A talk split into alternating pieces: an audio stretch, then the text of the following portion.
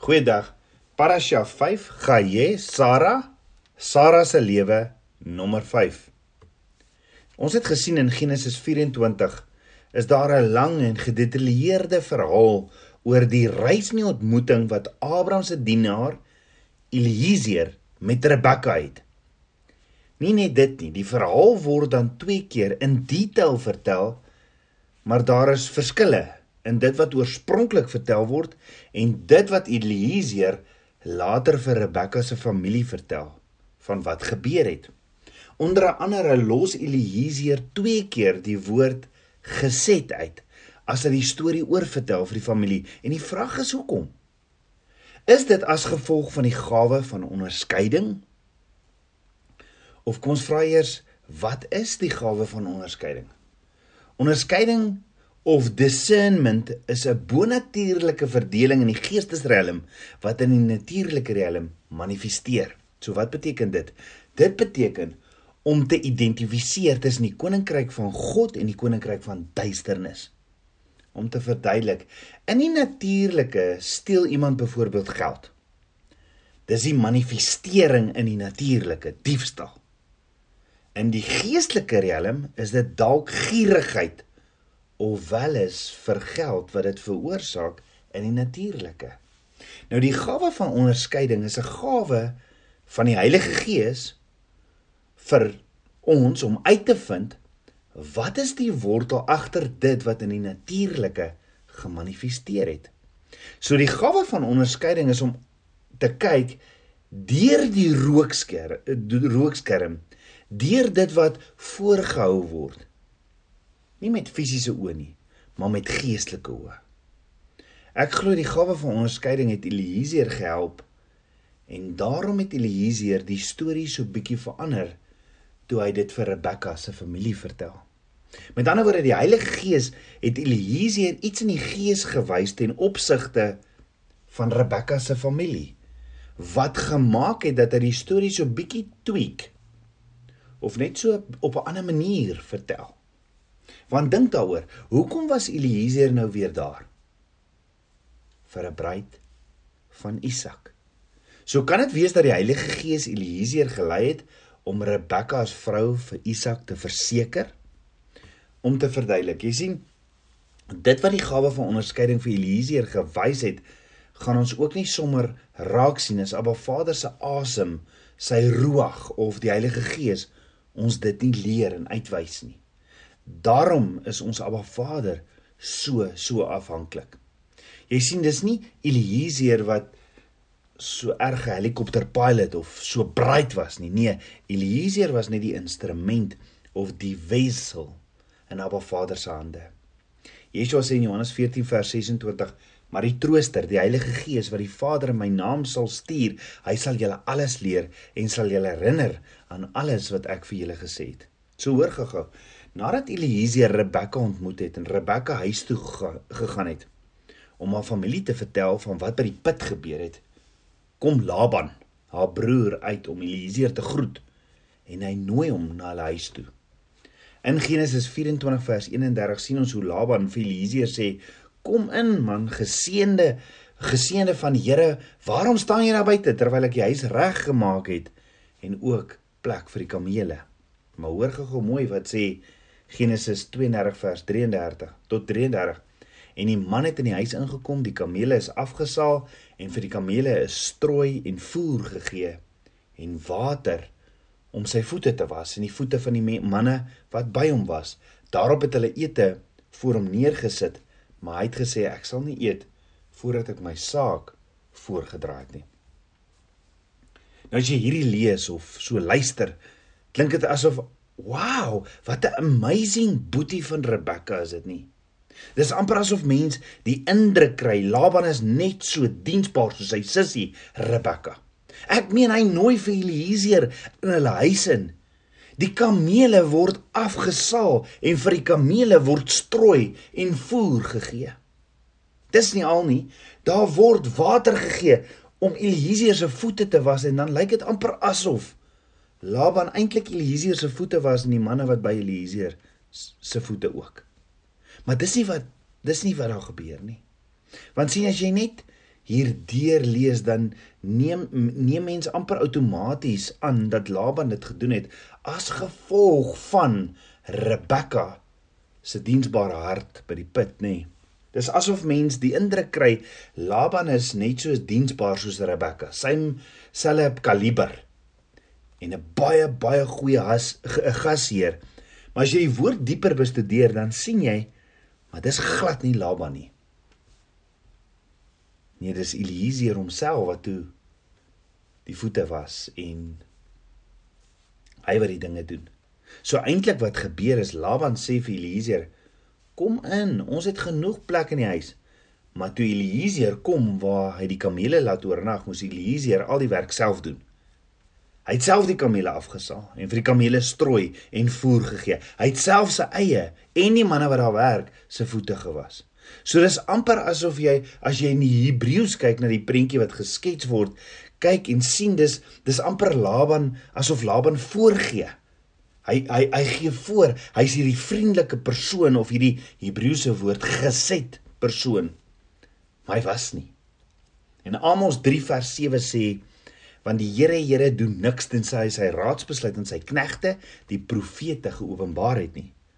So Abba Vader wys vir Eliezer presies wat is die kondisie van Laban se hart. Want Abba Vader openbaar sekere goed aan sy knegte want sien eintlik al waaroor Laban besorg was was oor wat hy uit hierdie hele besigheid gaan uitkry. Ek meen hy het gesien Rebekka het hierdie asemrowende geskenke gekry en en wat van hom? Wat kry hy? Net so doen mense dit ook selfs vandag. Hulle doen goed vir hulle naaste met die doel om te kyk wat se voordeel kan hulle daai trek. Dis van wat van my? Wat kry ek hier uit of hoe gaan ek raak gesien word deur almal? Hulle sal alles doen om deur mense raak gesien te word as kamstige vriendelike of geset gesindheid soos Rebekka, maar eintlik sit hulle met hart soos Laban. Maar gelukkig uh, openbaar Abba Vader vir sy knegte vooraf hierdie dinge. Abba Vader het vir Eliezer gewys en Eliezer besef, maar hier's hier is nie dieselfde gesindheid of geset gesindheid in Laban as in Rebekka nie. En daarom verander Eliezer sy storie na dit wat Laban wil hoor. Eliezer as gevolg van die gawe van onderskeiding sien wat gebeur en daarom is daar verandering nee hy hy sit net bietjie klem op sekere goeders en haal sekere goeders uit uit sy storie. Ek meen dink daaroor. Eliezer kan nie meer vir die familie net sê hoe Rebekka met hierdie gesindheid of hierdie geset en haar so amazing mooi gaan inpas by Abraham se seun wat hierdie selfde gesindheid, hierdie geset gesindheid of vriendelikheid het nie. Eliezer kan glad nie meer praat oor hoe goed Rebekka in Abraham se waardegesentreerde familie sal inpas nie. Nee, Eliezer moet Laban se taal praat. Daarom maak Eliezer net so 'n paar verskille in die manier hoe hy die hele storie vir Laban oordra, sodat hierdie huwelik baie aanloklik ook vir Laban en die familie lyk. Want hoor gou die gawe van die Gees wat Abba Vader gee, soos hy wil, is nooit tot voordeel van jou nie. Is altyd tot voordeel van die bruid. Daarom lei die gawe van onderskeiding Eliezer tot voordeel van die bruid. So hoor gou wat doen Eliezer? En kom ons kyk gou-gou weer na die verskille in die stories. Onthou eerstens toe Elise vir Rebekka se familie vertel van die gebed wat hy gebid het waar hy vir Abba Vader gevra het om hom te help om Rebekka vir Isak te vind, sê hy nie Abba was uh, uh, sê hy nie Abba wees my goedgesindheid. We, wees my goedgesind, hierdie geset gesindheid en wees goed vir Abraham nie. Nee, hy vertel vir die familie hy het gebid, Here, maak my suksesvol. Hy praat Laban se taal. Laban meet sukses mos aan materiale materiële goed. So Eliezer noem glad nie die woord geset nie. Hoekom? Want geset of goedgesindheid is nie iets wat Laban veel waarde aan heg nie. Hy sal 'n vriendelike gesiggie opsit, maar maar wat gaan hy daarvoor kry? So dink daaroor. As dit net gegaan het oor vriendelikheid of goedgesindheid, toe Eliezer by die put gekom het, hoekom het hy dan gebid? Hoekom het Eliezer gebid en nie net gewag tot almal by die put kom en kyk wie's die vriendelikste en goed ge, goedgesindste persoon nie? So kan dit wees dat daar baie meer in die Hebreëse woordjie geset is as net goedgesind en vriendelikheid. Verseker want die bepalende maatstaf van vriendelikheid is nie Rebekka het gedink dis goed, mooi en reg om 'n vreemdeling te vra om te help nie. Nee, inteendeel, dit gaan alles oor hoe sy reageer toe Eliezer haar gevra het vir hulp. En daarom vra Eliezer vir Abba Vader hulp in gebed om te kan onderskei, om agter dit wat in die natuurlike gebeur in die gees raak te sien. Jy sien Rebekka het dit wat van haar vereis was volledig deurgesien. Sy het volhard in liefde. En nêrens staan daar sy het gesê: "Hoekom ek? Hoekom moet ek nou die vuil werk doen nie?" Jy sien Abba Vader leer my om nie net Rebekka se gesindheid van geset te hê as die bruid van Yeshua nie, maar ook om Eliezer se navraag en uitkyk na te streef. Jy sien, om te vra vir hulp is ook die geleentheid om vriendelikheid en gesed te wees. Want hoe gereeld hoor ons nie van mense wat verwaarloos voel, wat seer gekry het in gemeenskap of in 'n tyd van nood en niemand het hulle gevra of hulle hulp kan of hulle kan help nie. Of hoeveel mense voel nie verwerp omdat niemand hulle ooit help nie. Of omdat niemand hulle nooit raak sien of besef nie. Hulle nood nie. Jy sien, ons sal eerder weerstaan om vir hulp te vra want ons wil graag die sorgsame, die onselfsugtige een wees wat niks van ander vra nie, nê. Of bloot omdat ons nie 'n oorlas van onsself wil maak nie. Of wil behoeftig lyk nie. Ons sal selfs nie vra vir gebed nie want wat gaan mense nou van my dink?